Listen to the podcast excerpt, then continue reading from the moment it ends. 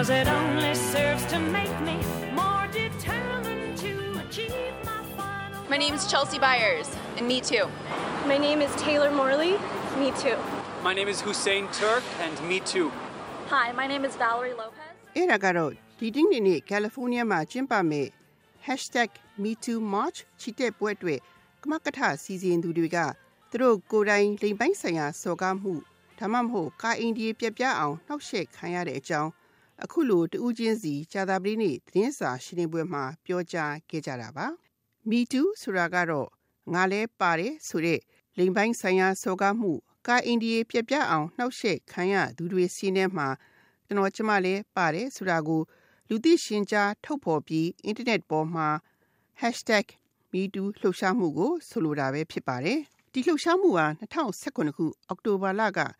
နာမည်ကြီးရုပ်ရှင်မင်းသမီး Alicia Milano ကနေ Hollywood Miramax ရုပ်ရှင်ထုတ်လုပ်ရေးတထေကြီး Harvey Weinstein ဆိုသူကသူ့ကိုလိမ်ပိုင်းဆိုင်ရာစော်ကားခဲ့တယ်ဆိုတာကိုအခုလို #MeToo သင်္ကေတသုံးပြီး Twitter ပေါ်မှာထုတ်ဖော်ခဲ့တဲ့အတွက်အဲ့ဒီသင်္ကေတကိုအောက်တိုဘာလ15ရက်နေ့ဒီမှာပဲလူ2သိန်းခန့်ကတုံးခဲ့ပြီးအောက်တိုဘာလ16ရက်နေ့မှာတော့လူ9သိန်းအထိတိုးပြီးတုံးခဲ့တာတွေ့ရပါတယ်။ချိန်ထဲမှာပဲဒီသင်္ကေတကို Facebook မှာ ပထမ24နာရီတွင် လူ4.8တန်းကတုံးခဲ့ပြီး post ပေါင်း12တန်းတင်ခဲ့တာဖြစ်ပါတယ်။ Lisha Melano ကအခုလိုအမျိုးသမီးတွေ MeToo သင်္ကေတမှာပါဝင်ပြီးရင်ဖွင့်ခဲ့တာဟာအမျိုးသမီးတွေရဲ့စီးရုံးမှုကိုပြသလိုက်တာဖြစ်တယ်လို့သတင်းမီဒီယာကိုပြောခဲ့ပါတယ် Now, I just think that it's something that is so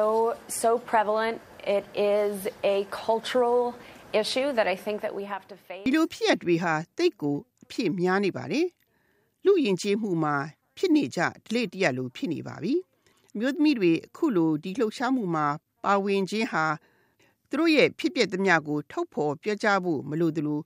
ဘယ်သူကသူတို့ကိုစော်ကားတယ်ဆိုတာကိုလည်းနာမည်ထုတ်ဖော်ပြောကြားဖို့မလိုပါဘူးစော်ကားခံရတဲ့သူတွေထဲပါဝင်တယ်ဆိုတာကိုဖော်ပြခြင်းအဖြစ်သွေးစည်းခိုင်မာမှုကို ပြသတဲ့သဘောပဲဖြစ်ပါတယ် ခုလောက်လူဦးရေတန်းနဲ့ချီပြီးတိုးလာတာကိုကြည်ချင်းအဖြစ်အမျိုးသမီးတွေအတူတကွသွေးစည်းခိုင်မာမှုရပ်တည်ရင်အင်အားတရဖြစ်တယ်ဆိုတာကို ပြသရာရောက်ပါတယ်လို့ Alicia Milano ကသတင်းမီဒီယာကို ပြောသွားတာပဲဖြစ်ပါတယ်။ရုပ်ရှင်ထုတ်လုပ်ရေးတထေကြီး Weinstein ရဲ့စော်ကားမှုကိုခံခဲ့ရတဲ့ရုပ်ရှင်လောကကလူတွေဒီလှုပ်ရှားမှုမှာပါဝင်ခဲ့ကြရမှာ 2006ခုအကယ်ဒမီရုပ်ရှင်မင်းသမီး Reese Witherspoon နဲ့ပါဝင်ပါတယ်။ဒါရိုက်တာ Weinstein ကသူ့ကိုစော်ကားခဲ့တာနဲ့ပတ်သက်လို့သတင်းမီဒီယာကိုအခုလိုဖွင့်ဟခဲ့ပါတယ် I have my own experiences that have come back to me very vividly, and I found it really hard to sleep, um, hard to think, hard to communicate. Uh, ကျမကိုယ်တိုင်တွေ့ကြုံခံစားခဲ့ရတာပါဖြစ်ပျက်သမျှကိုကျမကောင်းကောင်းကြီးမှတ်မိပါတယ်ကျမအိတ်မပျော်နိုင်ခဲ့ပါဘူး ကျမအမှန်ကိုဖြစ်ဖြစ်ချင်းပဲထုတ်မပြောမိခဲ့တဲ့အတွက်နောင်တလည်းရမိပါတယ်အရေးမယူခဲ့တာကိုလည်းဝမ်းနည်းမိပါတယ်ကျမ16နှစ်အရွယ်ကဒီဒါရိုက်တာက ကျမကိုစော်ကားခဲ့တာပါ။တကယ်တော့ဒီ Me Too ဆိုတဲ့အသုံးနှုန်းကို ပထမဦးဆုံးသုံးခဲ့သူကတော့လူမှုရေးလှုပ်ရှားသူ Tarina Buck ပဲဖြစ်ပါတယ်။သူကလူမဲအမျိုးသမီးတွေအထူးသဖြင့်လိင်ပိုင်းဆိုင်ရာစော်ကားမှုခံနေကြရတာနဲ့ပတ်သက်လို့ 2006ခုနှစ်က Me Too ဆိုတဲ့မှတ်တမ်းရုပ်ရှင်ကိုရိုက်ကူးခဲ့သူဖြစ်ပါတယ်။ထိုစဉ်ကသူရိုက်ကူးဖို့ဖန်လာခဲ့တဲ့အကြောင်းကတော့အသက်73နှစ်အရွယ်အမျိုးသမီးငယ်လေးတူကသူ့အနေနဲ့လိင်ပိုင်းစော်ကားခံခဲ့ရတာကိုသူ့ကိုလာဖွင့်ဟပြီးအကြံဉာဏ်တောင်းခံခဲ့စဉ်ကထိုစဉ်သူ့အနေနဲ့ဘာမှမတတ်နိုင်ခဲ့တာကိုယူကျုံမရဖြစ်ပြီးခုလိုမှတ်တမ်းတင်ရုပ်ရှင်ရိုက်ကူးခဲ့တာဖြစ်တယ်လို့ဆိုပါတယ်။သူကဒီလှုပ်ရှားမှုနဲ့ပတ်သက်လို့သတင်းမီဒီယာကိုပြောခဲ့တာကတော့ This is not about me, it's about survivors. And it's about ဒါဟာကျမတယောက်တည်းအတွက်မဟုတ်ပါဘူးဒီလိုစော်ကားခံခဲ့ရပေမဲ့ဘဝကိုရင်ဆိုင်ရဲတဲ့လူတွေအတွက်ဖြစ်ပါတယ်သူတို့တွေဘဝကိုရင်ဆိုင်ရမှာဘယ်လိုအကူအညီတွေလိုအပ်တယ်လဲသူတို့ကိုဘယ်လိုအကူအညီပေးနိုင်မလဲဆိုတာကိုနှိုးကြားမှုရှိစေဖို့ဖြစ်ပါတယ်လို့ Miss Buck ကပြောသွားတာဖြစ်ပါတယ်ဒီ Me Too လှုပ်ရှားမှုကြောင့်လိင်ပိုင်းဆိုင်ရာစော်ကားခဲ့ကြသူတွေ လူသိရှင်ကြားဖြစ်ကုန်ကြတဲ့အတွက်ကြောင့်လေဒီကဆွဆွဲခြင်းခံခဲ့ရတဲ့ဒါရိုက်တာ Weinstein ကတော့ comedy ဘုတ်အဖွဲ့ကနေထုတ်ပယ်ခြင်းခံခဲ့ရပါတယ်။အချိန်ထဲမှာပဲ Britain မှာဆိုရင်လေကာကွယ်ရေးဝန်ကြီး Michael Fallon ဟာအမျိုးသမီးတွေပေါ်ကာအိန္ဒိယပြက်ပြားအောင်လှုပ်ဆောင်ခဲ့တဲ့ဆိုတဲ့ဆွဆွဲချက်တွေကြောင့်ပြီးခဲ့တဲ့သတင်းပတ်ကပဲဝင်ကြီးချုပ်သရီဆာမေထာနှုတ်ထွက်စာတင်သွင်းခဲ့ရမှာသူ့ဘောဆွဆွဲချက်တွေအများစုဟာမမှန်ကန်ပေမဲ့ သူအတိတ်ကလုပ်ခဲ့တဲ့ဖြစ်ရပ်တွေဟာသူ့ယာတုမှာစောင့်ထိန်ရမယ့်ကျင့်ဝတ်တိတ်ခါနဲ့မညီဘူးဆိုတာကိုသူနားလေသဘောပေါက်တဲ့အတွက်ကြောင့်ယာတုကနေနှုတ်ထွက်ခွင့်ပြုဖို့ရေးသားခဲ့တာတွေ့ရပါတယ်။ဒီ #MeToo သင်္ကေတလှုပ်ရှားမှုကိုကုဆိုတောင်ကိုရီးယား၊ဗီယက်နမ်၊တရုတ်၊အိန္ဒိယ၊ပါကစ္စတန်၊ UK ပြင်သစ်အပါအဝင်အနည်းဆုံးနိုင်ငံပေါင်း85နိုင်ငံတို့မှာပြန့်နှံ့နေပြီဖြစ်ပါတယ်။မြန်မာနိုင်ငံမှာရောဒီ #MeToo လှုပ်ရှားမှုဟာ အင်တာနက်နဲ့ Facebook တွေမှာအသုံးပြုတာတွေစနေပါပြီလားဆိုတာကို Triangle Women အဖွဲ့ကိုမတည်သူမခင်လေးကိုမေးချီခဲ့ပါတယ်။ကျမတွေ့တာကတော့ကျမတို့ဒီအမျိုးသမီးရေးလုပ်နေကြတဲ့အမျိုးသမီးတချို့ရဲ့ post တွေမှာတွေ့တယ်။နောက်တစ်ခါအဲ့လိုပေါ့အမျိုးသမီးရေးမလုပ်ပေမဲ့လူမှုအသင်းအဖွဲ့တွေမှာလုပ်နေတဲ့ညီမတွေကတင်တာတွေတွေ့တယ်။ညီမလေးတယောက်ဆိုလို့ရှိရင်သူကသူစပြီးတော့တင်တာကိုကျမသတိထားမိတယ်။အဲ #metoo လို့ရေးပြီးတဲ့အခါမှာသူ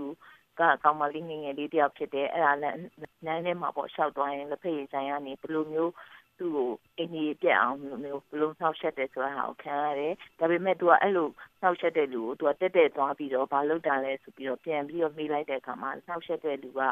စွန့်အားသွားပြီးတော့ဘာမှမပြောရပဲမျက်စိမျက်နှာပြက်ပြီးတော့ဟိုထွက်ပြေးသွားရတယ်ဆိုတဲ့ဟာမျိုးလေးတင်တာလည်းတွေ့ဘူးတယ်တချို့တွေကြတော့လေအဲခံခဲ့ရပါတယ်ဗတ်စကားပေါ်မှာဒီလိုမျိုးခံခဲ့ရတာတွေရှိတယ်အိမ်မှာခံခဲ့ရတာတွေရှိတယ်ဆိုပြီးတော့ရေးတဲ့လူတွေလည်းရှိပါတယ်မအီသီရီကျော်ကတော့မြို့သမီးအခွင့်အရေးအကျိုးတော်ဆောင်တူဖြစ်ပါတယ်ခုလိုမြို့သမီးတွေပေါ်အချမ်းဖက်စော်ကားမှုနဲ့ပတ်သက်လို့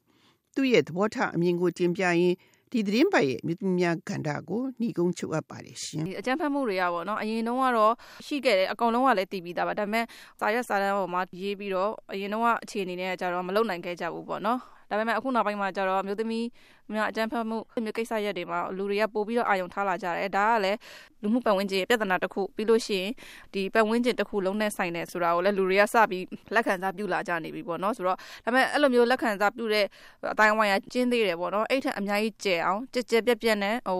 လှုပ်ဆောင်နိုင်ဖို့လိုတယ်အဲ့ဒီအတွက်လည်းနိုင်ငံတော်အစိုးရရဲ့ဟိုပူပန်းပါဝင်မှုကလည်းအရင်အရေးကြီးပါတယ်ကျန်းဖက်ခံရတဲ့အမျိုးသမီးတွေဘဝကိုစာနာပြီးတော့ပေါ့နော်ဝန်ဆောင်မှုယူမလို့ယူဖို့လာတယ်ဆိုလို့ရှိရင်သူတို့ကိုအပြစ်တင်တဲ့ပုံစံမျိုးမဟုတ်ပဲနဲ့နားလည်မှုအပြည့်ပြီးပြီးတော့ဟိုလုတ်တဲ့ဝန်ဆောင်မှုမျိုးတွေကအများကြီးလိုအပ်တယ်ဘာဖြစ်လို့ဆိုတော့ဒီအမျိုးသမီးတွေကဘာအတိကလိုသလဲဆိုတော့သူတို့အပြက်ဖက်ခံရတာသူတို့အပြစ်မဟုတ်ပါဘူးပေါ့နော်အပြစ်ကိုကျူးလုတ်တဲ့သူသာအပြစ်ခံရသူဖြစ်ရမယ်ပေါ့နော်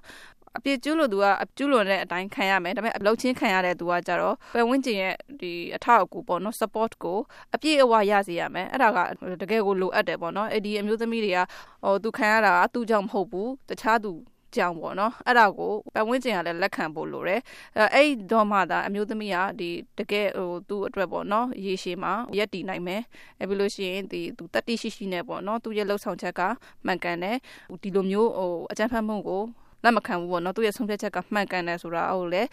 မိသားစုကလည်းသူ့ကိုအထောက်အကူပေးရမယ်ပေါ့နော်အဓိကတော့ယဉ်ကျေးမှုဒလိထုံးစံတွေမှာကောင်းတဲ့ဟာတွေလည်းအများကြီးရှိပါတယ်ဆိုတော့တချို့